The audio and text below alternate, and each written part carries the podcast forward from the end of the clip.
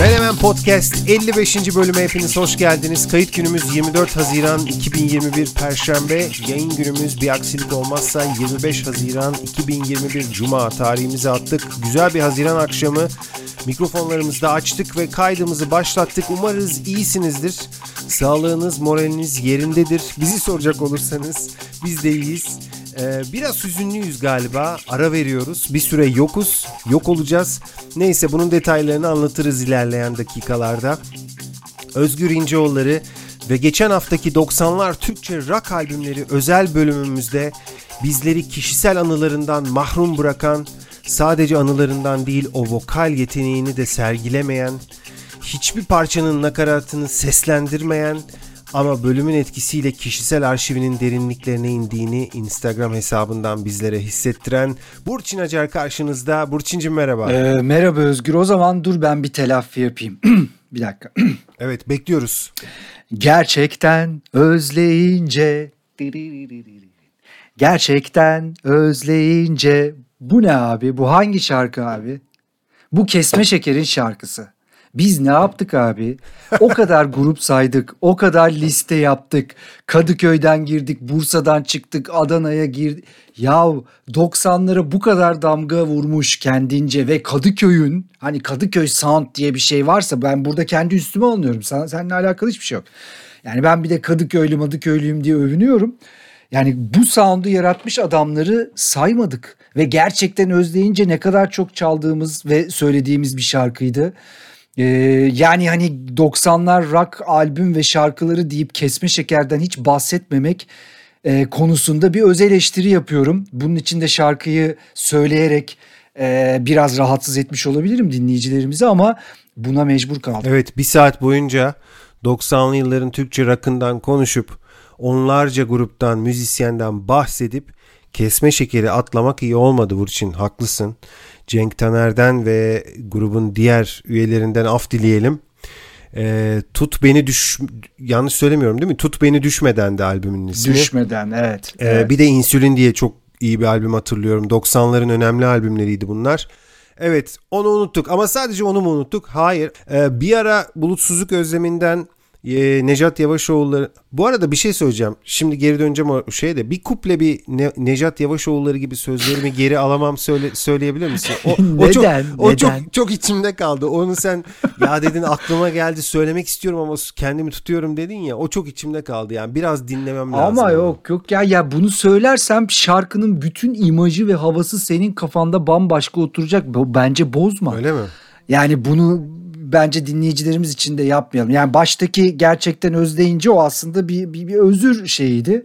Yoksa yani bence hiç kimse için iyi olmaz benim o şarkının o kısmını söylemem. Bu arada Skalon bugün sözlerimi çıka çıka çıka. Bugün sözlerimi geri alamamın Alamam şarkısının hikayesiyle ilgili Twitter'da bir paylaşımın bir kısmını gördüm.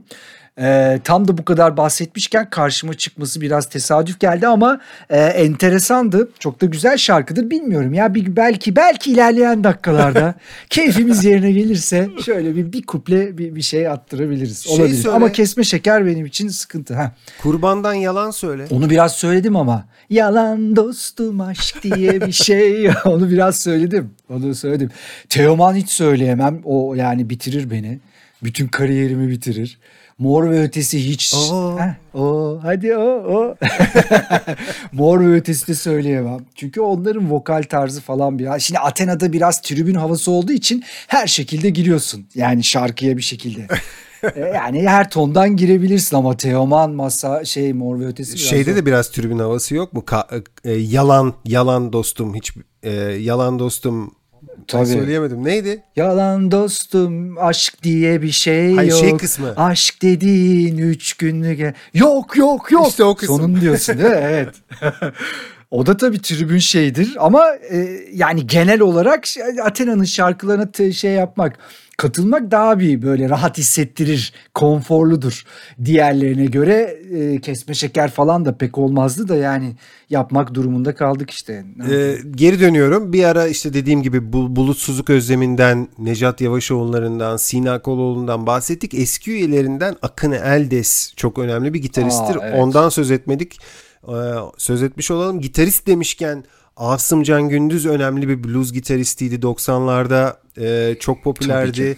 Allah rahmet eylesin. Radyoculuk da yapmıştı. Radyocuydu aynen öyle. Aynen. E, tabii isim çok e, atladıklarımız oldu. Hala da vardır. En sonda rock müziği sunanlardan, yazanlardan, tanıtanlardan da bahsetmiştik. Orada da e, sonradan dinleyince benim aklıma geldi. Ya dedim yani nasıl unuturuz? İzzet Öz e, ve Murat Beşer e, o, o yani o isimleri de saymamışız. Onların da adını anmış olalım. Ee, ama sonuçta güzel bir program oldu. Güzel bir kayıt oldu. Ya hep söylüyoruz liste yani her zaman eleştirilebilir bir şey ve çok da zordur, streslidir. Mutlaka unutacaklarımız olacaktı yani bunun yola çıkarken de biliyorduk. Bizim bir ansiklopedi ya da bir almanak yapma gibi bir hedefimiz de yoktu. Ama işte bir yerlerden bir şeyleri belki hatırlatmak bir yerlere bir arşiv koymak. O da oldu galiba ve bunun bakalım yani farklı versiyonlarını da yapabiliriz. Bu aslında bizim için iyi bir sezon finali olurdu ama sezon finalini bir program sonraya bugüne erteledik. Dolayısıyla hem biraz da programında dedikodusunu yapmış olduk. Biraz da eksikleri tamamlamış olduk. Evet o açıdan iyi oldu. Gerçekten eksiklikler önemliydi. Sezon finali demeyelim çünkü sezon biliyorsun kaldırdığımız bir sözcük oldu. 55. bölüm bir ara vereceğiz. Yaz e, arası vereceğiz. E, yaz boyunca ne yapacağımızı da yani en azından hazırlık anlamında ne yapacağımızı da birazdan anlatırız sizlere ama ondan önce işte bugün neler yapabiliriz, neler konuşabiliriz. Biraz gündemde ilginç konular var. Onlardan bahsedebiliriz. Bir de e, bir iki bölümdür konuşuyoruz. Şimdi tabii hala da gündemde çünkü devam ediyor. E, 2020 diye geçiyor. Tabii ki 2021 yılındayız ama 2020 UEFA Avrupa Futbol Şampiyonası'nın bir güncellemesini yapalım. Çok kısa. Valla bana Burçin'cim bilmiyorum sen ne hissediyorsun da stadyumlarda böyle seyirci görmek çok iyi geliyor. Yani böyle bazı hele bazı maçlarda baya bir dolu stadyum görüyorsun ve o bana iyi geliyor bilmiyorum en azından moralman iyi geliyor. Ee, sana nasıl geldi onu bir so- sana sormak istedim. Valla turnuva hiç iyi gelmedi bana Özgür. Yani seyirci olsa da olmasa da halimiz ortada. Ee, dediğin şeye katılıyorum. Seyircili maç izlemeyi özlemişiz ama bizim açımızdan yani çok tatsız bir turnuva oldu.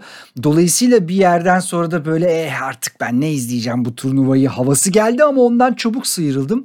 Ee, mesela özellikle şimdi tabii şey der 16'lardan sonra işler biraz daha ciddileşecek. Daha iyi maçlar göreceğimizi umut ediyorum ama pek de iyi geçmedi. Ama sizin için iyi İsviçre ikinci tura kaldı. Bir ülkede galiba e, büyük bir şenlik söz konusu kutlamalar falan mı var bilmiyorum. Haberi olan var mı İsviçre'de ikinci tura kaldığınızın? var var. Öyle sorayım ben. Ben ama sana söylemiştim ya İsviçre gizli favori Burçin. Yani geliyoruz. Evet demiştin doğru söylüyorsun. geliyoruz.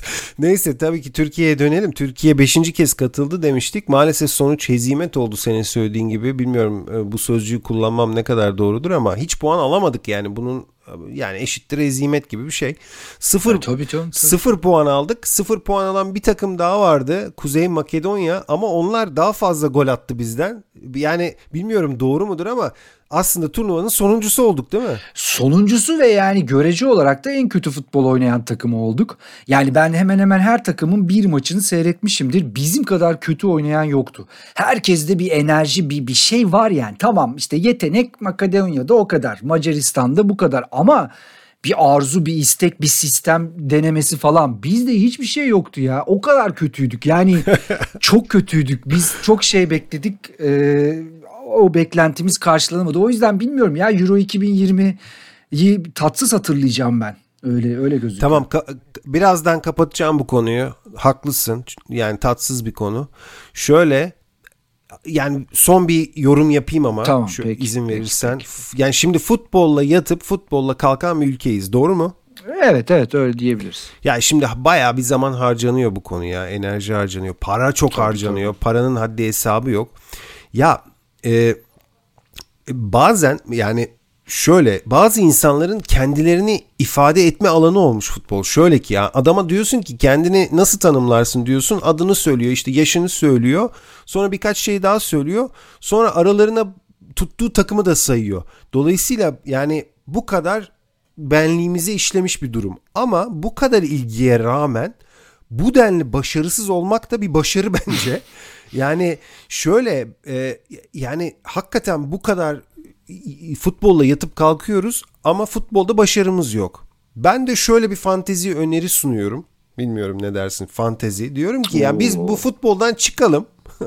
yani çıkalım futboldan o parayı alalım işte diğer sporlara yatıralım işte voleybola, baskete, işte tenise, yüzmeye, atletizme, işte haltere, jimnastiğe falan ne istersen.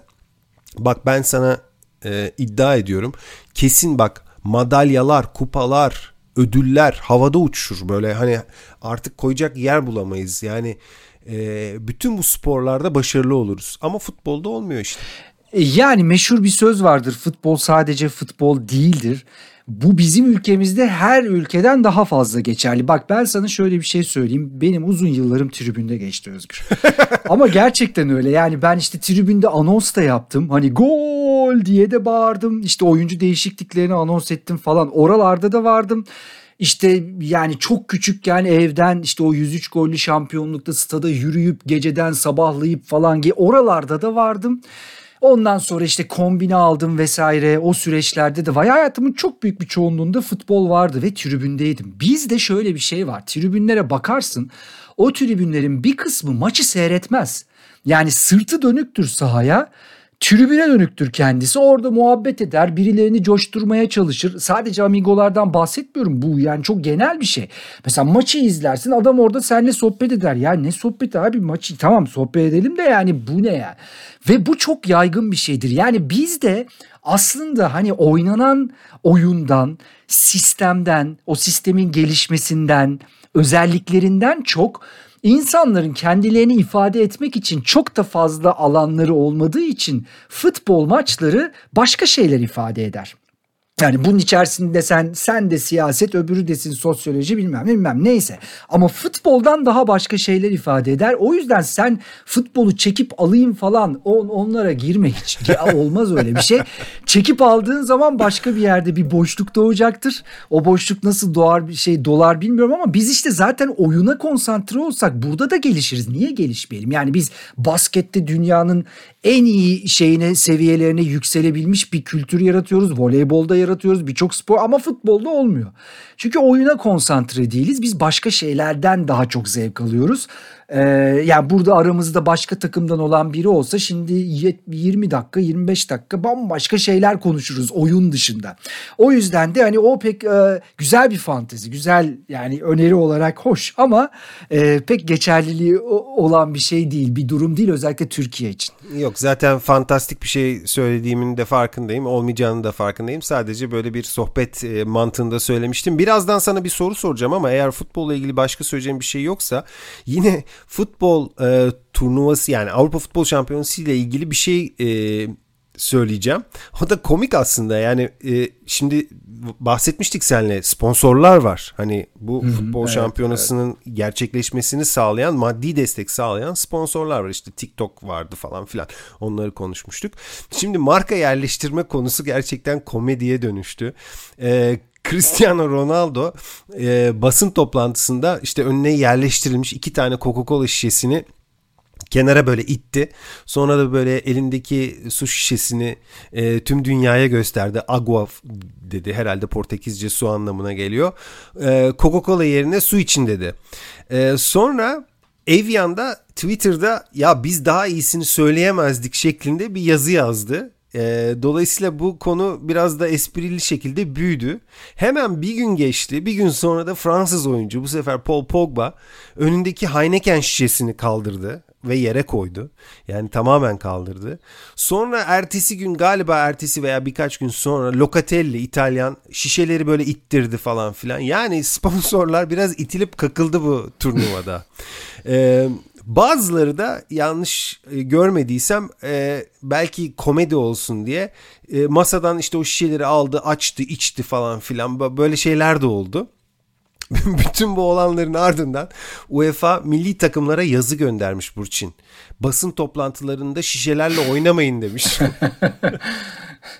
Ama doğru. Hadi şimdi Coca-Cola, su falan bunlar bira.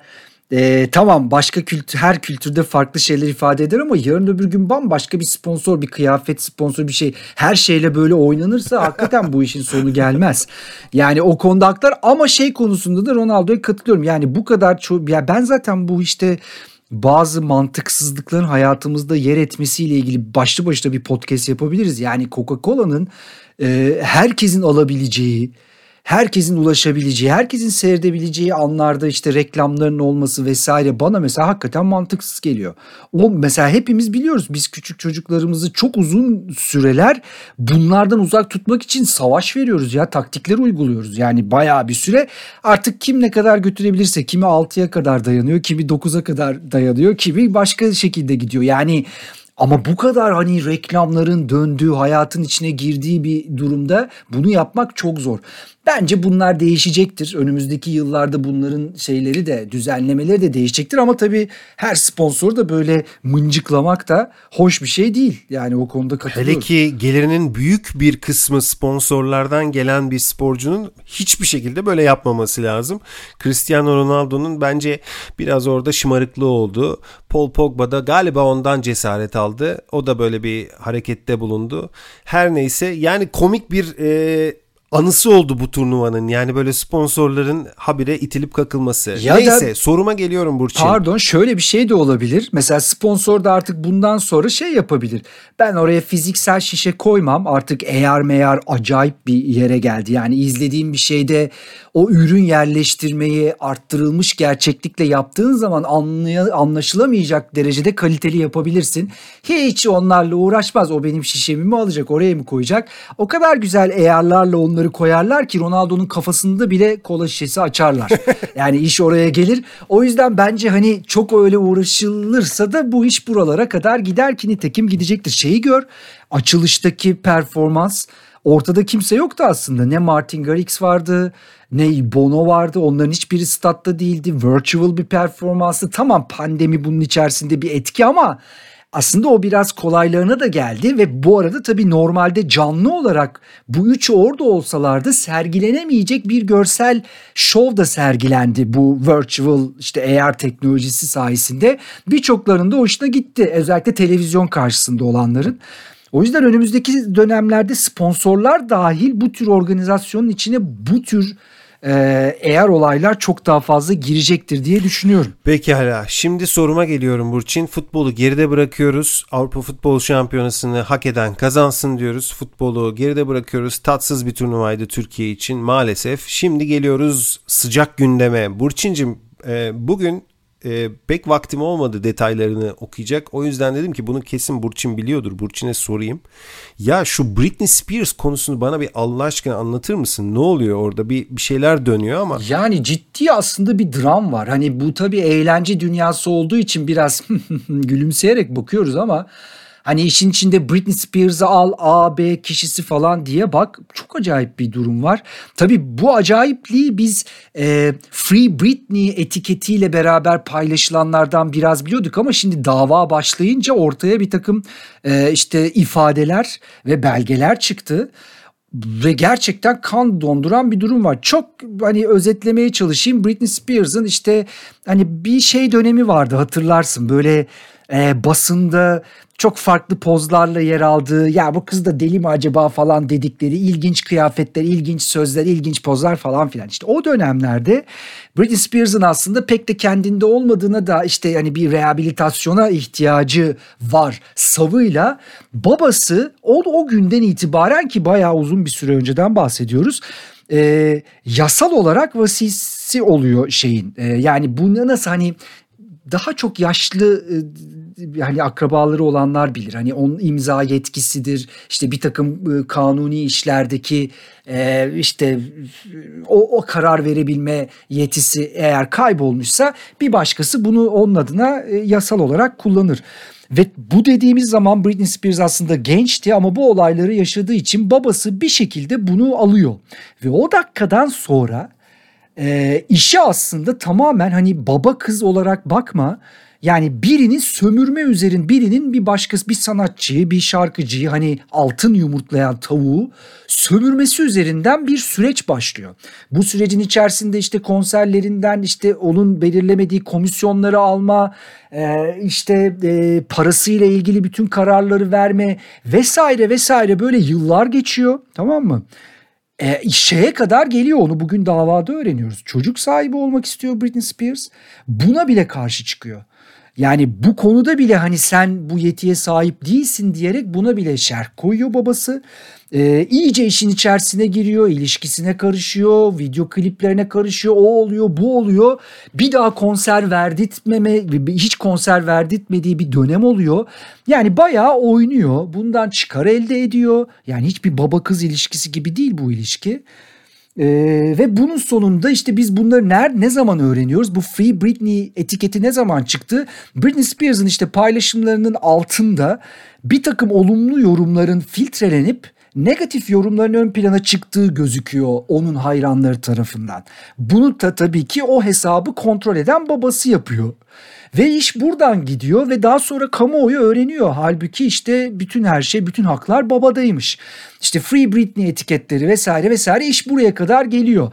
Ee, tabii şimdi buradan nasıl dönülecek? Ee, kimileri diyor ki bir dilekçeyle bile bu iş bitebilir. Ben artık böyle bir koruma istemiyorum. Kimileri diyor çok zor olacak vesaire vesaire ama bu ibretlik bir öykü bence. Yani işte bu şeyi çok duyarız. İşte babanın menajer olması işte futbolcunun menajeridir babası. O onun üzerinden para kazanır bir ama bu bu boyutta bir şeyi bilmiyorum galiba ilk defa duyuyoruz. Belki daha önce 60'lı 70'li yıllarda da vardır ama e, son derece dramatik bir olayla karşı karşıyayız aslında. Şöyle yanlış anlamadım değil mi? Zihinsel e, faaliyetleri yerinde değil diyor ve kızının her türlü verebileceği kararı kendi veriyor. Kendi veriyor. Aynen öyle. Aynen galiba öyle. Bununla, bununla ilgili galiba da bir belgesel var. Ya bir belgesel var ya da e, kısa evet, bir film var. Evet. Bununla ilgili bir şey gördüğümü hatırlıyorum. Ee, senin bu söylediklerinin ışığında o o filmi e, yakalamayı ve izlemeyi düşünüyorum şimdi. Evet belgesel çok ses getirmişti. Hatta yakında BBC de bununla ilgili Britney Spears'la ilgili bir belgesel e, yayınlayacak. Bunun hazırlıklarına başlamıştı. E tabi kamuoyunun çok bilmediği konular bugün böyle dava ile ortaya çıkınca herkes de şaşırdı yani. Hani ya bu çapta bir sanatçı bu bu bu ekonomiden bahsederken böyle bir şeyle yüz yüze kalması şoke ediciydi. Evet bugünün sıcak e, gündemi bir yerde buydu. Bunu biraz hani çünkü çok karışık bir durum aslında. Biraz bakınca tek bir haberle pek anlayamıyorsun durumu. Biraz böyle geriye sarmak gerekiyor. Hani onu da yap, ya, yapmış olduk buradan dinleyicilerimize belki bir bilgilendirme olur. Pekala şimdi sıcak gündemden e, sıcak yaz günlerini düşünerek size e, böyle bir de buna bakın biraz e, genişletilmiş versiyonunu yapmayı düşünüyoruz. Önce e, birazdan e, Burçin'den jingle rica edeceğim. Onun ardından da size bazı önerilerde, nacizane önerilerde bulunacağız. E, yazın yapabileceğimiz, birlikte e, vakit geçireceğimiz konuları gündeme getireceğiz. Onun ardından da benim istek parçam her zamanki gibi e, olacak. Evet. Oo tamam. Evet Burçin'cim. Jingle mi bekliyorsun? Lütfen. Bir de buna bak. Summer Edition. Vay. Her hafta bir edit yapıyorsun. Güzel. Yok ama şimdi bu yaz olduğu için sonuna bir biraz eğlenceli bir şey eklemek istedim. Yani. Pekala. Şimdi bir de buna bak da der genelde böyle hani hakikaten e, gözümüzden kaçmış şeyleri genelde konuşuyoruz ama bu, bu söyleyeceklerim özellikle benim söyleyeceklerim hiç gözümüzden kaçmış şeyler değil. Bayağı da önemli şeyler. Dolayısıyla e, bilmiyorum seninkiler herhalde farklı olacaktır. Ben şimdi ilk başta e, İstanbul Film Festivali'nden söz etmek istiyorum. E, biliyorsun pandemi çok büyük zorluklar yarattı sinema sektörüne. Yani bu sektör için ferahlatıcı bir haber olarak geldi İstanbul Film Festivali. Ee, başladı. Bu yıl e, 40. kez yapılıyor. Gerçekten alkışlanması gereken bir, bir sayı. 40. kez yapılıyor. İstanbul'un kültür sanat hayatı deyince İstanbul'un kültür ve sanat hayatının en önemli ürünlerinden bir tanesidir zaten İstanbul Film Festivali. Güzel olan kısmı sinema salonlarının geri dönüşü Burçin. Atlas 1948 sineması ve Kadıköy sineması. E, buralarda gösterimler var. E, daha önce çevrim içi gösteriliyordu filmler. 4 Temmuz'a kadar e, salonlarda izlenebilecek. İsteyen çevrim içinden de izleyebilecek. Buna göre de bilet alınabiliyor. E, filmonline.iksv.org üzerinden alabiliyorsun. Maalesef sadece Türkiye'den izleyebiliyorsun. Benim şansım yok yani ama e, bizi Türkiye'den dinleyenlerin ve tabii ki senin şansın var. Nomadland'i izlemediysen izleyebilirsin. Mainstream gibi ilginç bir film var. Summer of Soul var senin e, merakla her seferinde bu konu açıldığında bahsettiğim film var. Dolayısıyla İstanbul Film Festivali bizlerle bir de buna bak Burçin. Güzel. Ya o bir notlar almıştım film festivali ile ilgili ama böyle çok da nitelikli bir liste oluşturamamıştım kendime. Onu bir görev olarak edineyim.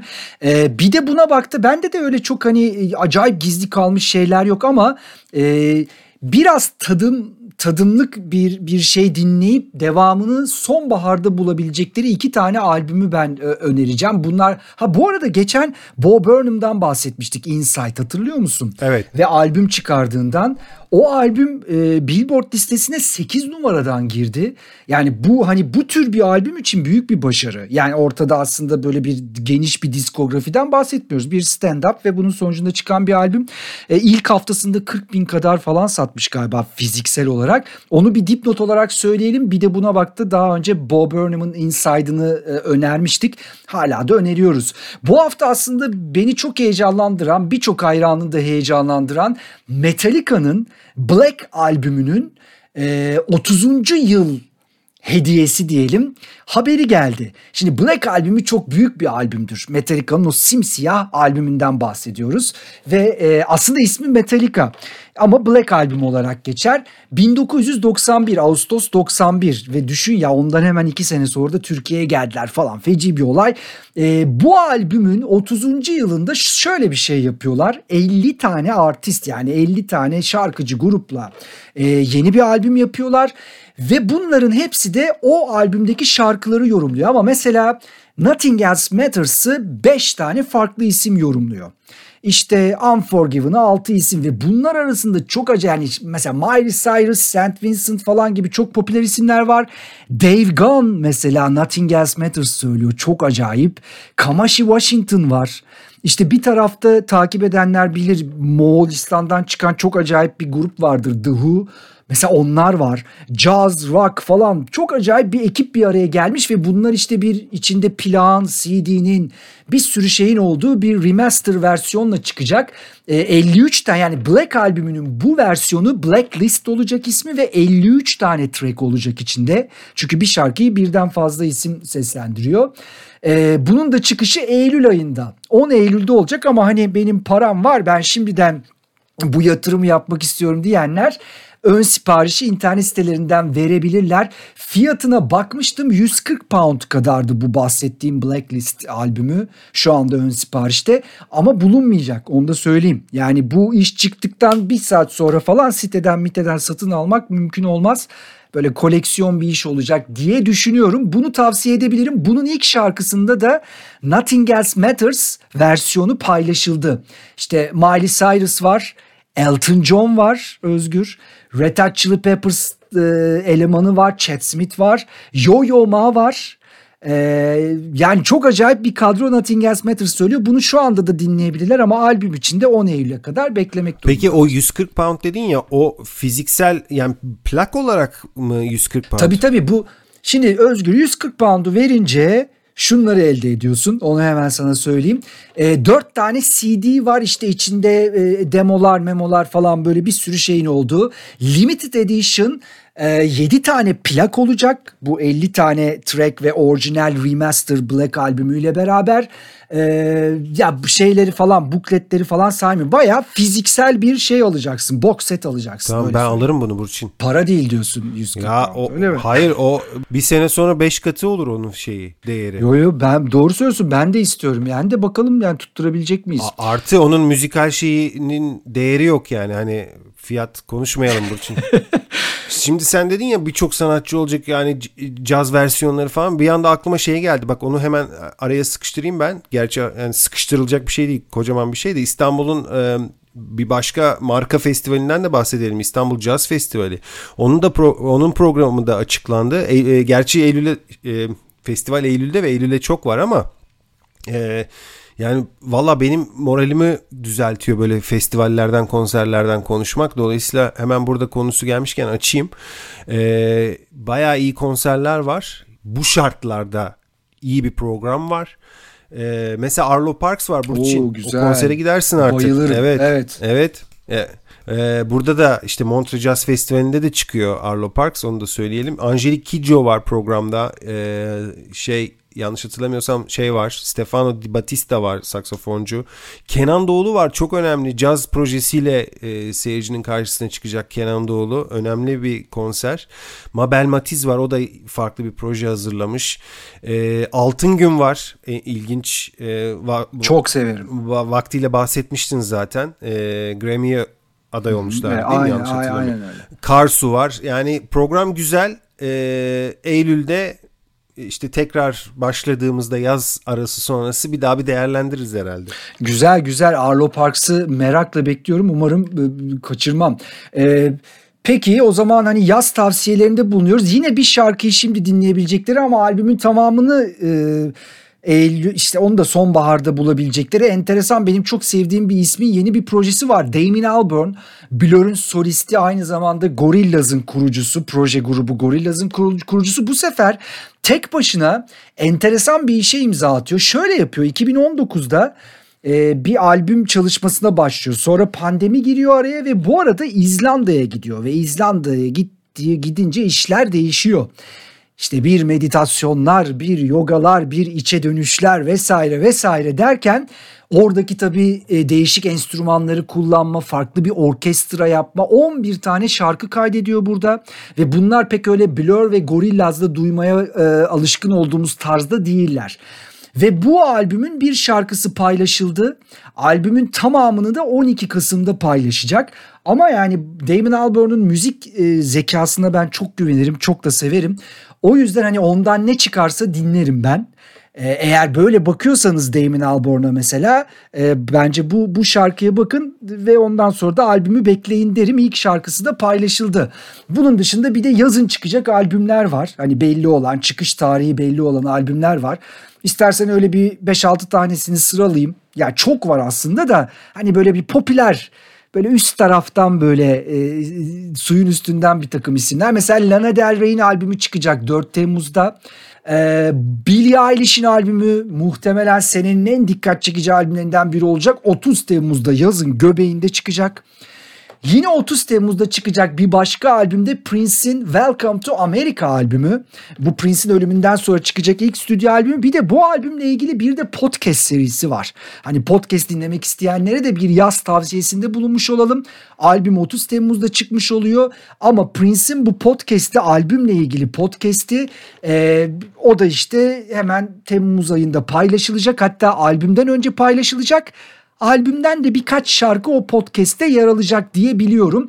Yani hem podcast hem de albüm tavsiyeleriyle böyle bir pakette ortaya koymuş olayım Peki ben. yazın Türkçe bir podcast dinlemek istersek bize bir e, önerin var mı? Ee, Menemen Arşiv Peki. mesela. Güzel bir öneri oldu. Güzel. Gerçekten güzel. Evet evet bizimki zamansız bazı bölümler var işte 90'lar e, do- meşhur 90'lar konseri bölümümüz var 90'lar e, televizyon programlarımız var 90'lar Türkçe popumuz var 90'lar Türkçe rock var bunların hepsi yazın böyle kumsalda mis gibi dinlenilebilecek Tamam bölümler. harika. Ben de baştan bir dinleyeyim ya şöyle bir 55 bölümü dinleyeyim. Birden başlayayım. Bizim yazın yapacak çok işimiz var. Doğru söylüyorsun, doğru söylüyorsun. O zaman yavaş yavaş e, sonlara doğru geliyorsak şimdi e, bahsettiğimiz gibi iki aylık bir ara veriyoruz.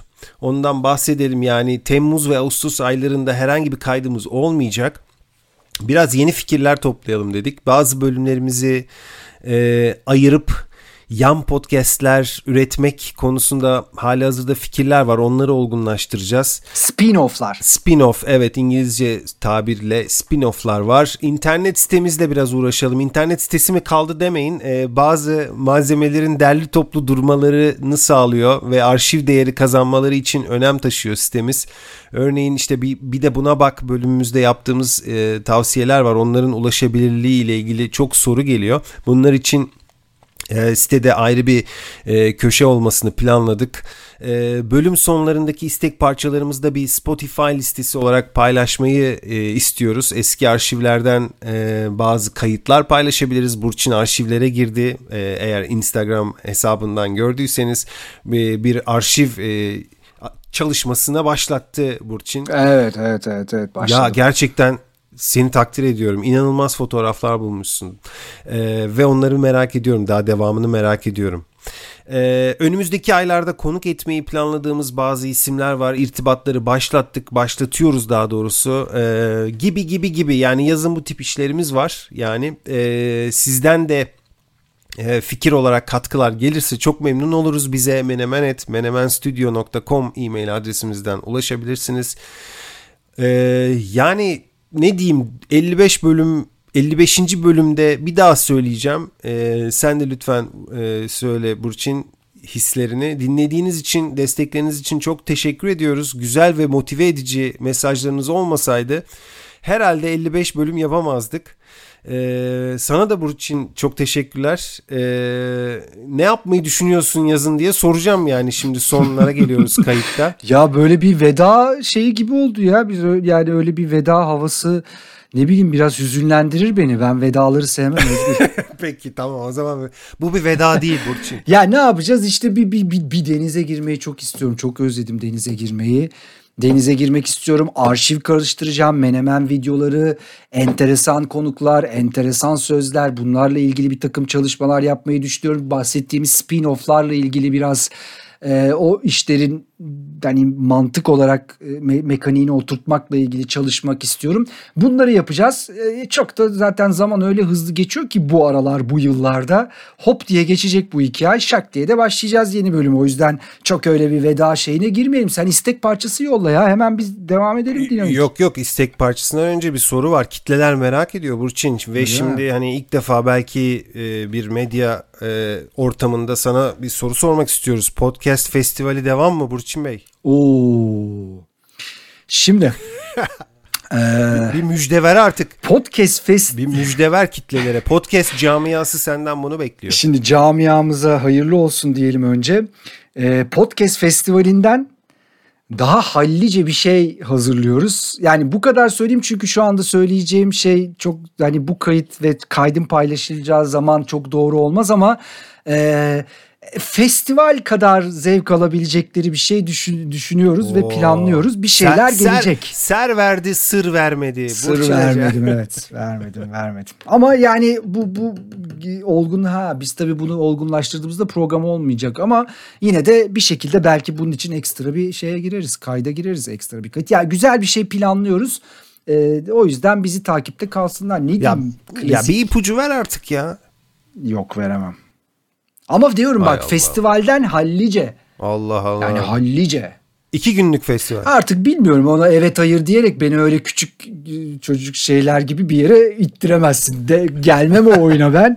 Ee, sorulara cevap vermeyeceğim. Festivalden hallice çok eğlenecekleri, çok da ilgi göstereceklerini umduğumuz bir şey hazırlıyoruz. Dolayısıyla onu da e, bakalım sonbaharda Maalesef maalesef alamadık. Burçin'den herhangi bir ipucu Yok, yok, alamadık. alamaz. podcast yapımcıları ve podcast dinleyicileri şu an büyük hayal kırıklığına uğradı ama e, emin Camiamız sağduyulu olarak be kalsın. Camiamız sakin olsun, beklesinler. Her şey güzel olacak. Pekala. Pekala. Evet, istek parçama geçebilir miyim Burçin'cim? lütfen, lütfen, lütfen.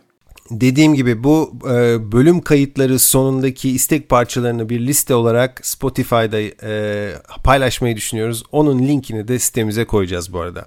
Şimdi Burçin'cim geçen hafta 90'ların Türkçe rock albümleri programını yaptık ve bu albümlerden birinden bir şarkı seçtik ve o şarkının işte can alıcı bir kısmını çaldık. Bu hafta e, sırada 2000'ler var.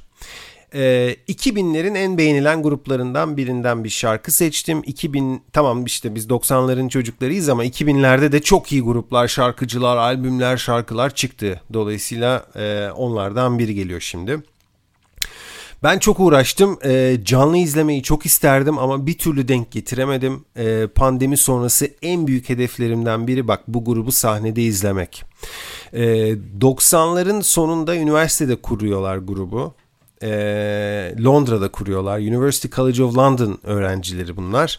E, bazı grupların büyük kitlelere ulaşması uzun sürer ya. Yani bayağı yıllar geçer ondan sonra kitlelere ulaşırlar. Bu grup nispeten hızlı bir şekilde tanınıyor. Yani gerçekten e, tanınmaları hızlı oluyor. İlk albümleriyle bir anda çıkış yakalıyorlar. Herhalde anladın. Coldplay'den bahsediyorum. Uf uf uf evet. Hangi şarkı isteyeceksin? Şu anda direkt onu merak etmeye başladım. Bir şey soracağım. Sen izledin mi onları? Coldplay, Coldplay, Coldplay izlemedim. Canlı izlemedim. Peki. İşte dediğim gibi ben pandemi sonrası Coldplay'i izlemek istiyorum ve işte denk getirmeye çalışacağım. Ben dördüncü albümlerinden bir şarkı seçtim. Yaz arası veriyoruz ya böyle hani tempolu ve enerjisi yüksek bir şarkı olsun istedim. Ee, hem işte ülkeleri İngiltere'de hem de Amerika'da bir numara olan bir parça bu. Hatta Amerika'da e, yılın şarkısı Grammy ödülü de kazandı. Hmm, ha tamam. Anladın değil mi? Çok kısa parçanın hikayesine de gireyim. Parça İngilizce e, sözlere sahip ama ona rağmen adı İspanyolca. Yaşasın hayat anlamına geliyor. Viva la vida. E, Viva da şimdi Viva la vida e, şarkısı ismini bir resimden alıyor. Önemli bir e, resimden alıyor. Frida Kahlo'nun bir resmi bu. Frida Kahlo'nun e, müzesi var e, Meksika'da ve orada da yer alıyor bu çalışma. Bir natürmort. E, Frida Kahlo e, Yaşasın Hayat adlı bu resmini çok hastayken e, hatta ciddi böyle fiziksel acılar yaşarken yapıyor. Zaten bu aynı zamanda onun son resmiymiş. Yani o resmi yaptıktan kısa bir süre sonra da ölmüş Frida Kahlo. E, Coldplay'in solisti Chris Martin buradaki ironiyi çok önemli bulmuş ve o yüzden de parçaya ve hatta albüme yanlış bilmiyorsam albümün adı da Viva La Vida e, ya da Viva La Vida ve bir şeyler daha uzun şimdi ben söyle, e, bunu not etmedim. E, bu yüzden de albüme de bu ismi vermiş. ironiyi beğenmiş. İki tane video klibi var parçanın. E, birinde Coldplay bir böyle resmin içinde ya. Bilmiyorum hmm. hatırlıyor musun video klibini? Evet, evet. Böyle e, e, ama mesela bu resim o Frida Kahlo'nun resmi değil. Viva la Vida resmi değil. E, bir tane başka bir resim. O da çok önemli, çok meşhur bir resimdir. E, ha, e, şeydir ismi. Halka yol gösteren özgürlüktür ismi. E, çok önemli bir başyapıttır. Fransız e, romantiklerinden e, Eugène Delacroix'ın resmidir. Fransız devriminin simgesidir o resim. Yani Fransa Fransa devriminin e, simgesi kabul edilir. Büyük bir resimdir. Louvre Müzesi'ndedir. E, herkes e, o resmi bilir yani. Parçanın ikinci video klibinde ise göndermeler var. Bu işte dediğim gibi iki tane video klip var ya. İkincisinde de göndermeler var. Ee, Anton Corbin'i bilirsin hani evet, çok evet. meşhur bir yönet çok meşhur bir yönetmen. O çekmiştir ikinci video klibi. Ee, yıllar önce kendi çektiği bir başka video klibe gönde gönderme yapar Anton Anton Corbin bu bu klipte. Depeche Mode'un Enjoy the Silence'ını hatırlarsın. İşte o klibe gönderme yapar. Bu sefer Chris Martin Dave değil Chris Martin kral rolünde, kral kıyafetindedir. Parçanın sözleri kralın perspektifini yansıtır ve video klip boyunca da Chris Martin kral olarak o ilk klipte bulundukları resmi taşır. Eugène Delacroix'ın halka yol gösteren özgürlük resmini taşır. En sonunda da işte bir tepenin üzerinde e, o resmi yerleştirir. İşte grubun diğer üyeleri falan filan gelir. Böyle enteresan e, özellikle kreatif e, ve sanatsal göndermeleri olan bir parça, bir albüm, bir klip. Dolayısıyla e, yüksek temposu sebebiyle ve çok sevdiğim bir grup olması sebebiyle 2000'lere damga vuran bir e, grup olması sebebiyle bu parçayı seçtim. Ee, şimdi tabii bu parça ile ilgili bir sıkıntımız var Özgür. o da şu. E, bu şarkı Joe Satri yani Joe Satriani bu şarkıya dava açtı. Bir şarkısından sample olarak çalıntı e, yapıldığına dair gerçi kazanamadı diye hatırlıyorum. If I Could Fly mıydı? Ne, yani öyle bir şarkısı ve bu çok da uzun süre konuşuldu. Gerçi bu, bu çok şarkı için konuşulur. Bu Coldplay özel bir şey değil. O ondan esinlendi, bu bundan esinlendi. Davayı kaybedenler, kazananlar vardır ama böyle bir dava dosyası şu an önümüzde duruyor Özgür. Onu bir söyleyelim. O Joe Satriani'nin O zaman çalamıyor muyuz? Yok biz yine şey yapacağız. Bir şey yapacağız tabii. Ee, çok severim grubu. Benim için Yellow'un özellikle anlamı çok büyüktür. O şarkıyı ilk dinlediğim zaman yıllar vesaire. Ondan sonra tabii grup bambaşka bir yere evrildi. Ee, sevdiğim bir şarkı o dosya dursun burada John Satriani dosyası. Bir daha gerekirse açarız o dosyayı. Ama şimdi hiç gerek yok tatlı bitirelim sezonumuzu. Ee, şarkın hazır geliyor Özgür. Çok çok teşekkürler. 3 Eylül 2021 Cuma günü yayınlayacağımız bölümde buluşmak üzere. Hepiniz hoşça kalın. Huzurlarınızda Viva la Vida Coldplay. Görüşmek üzere. When I ruled the world.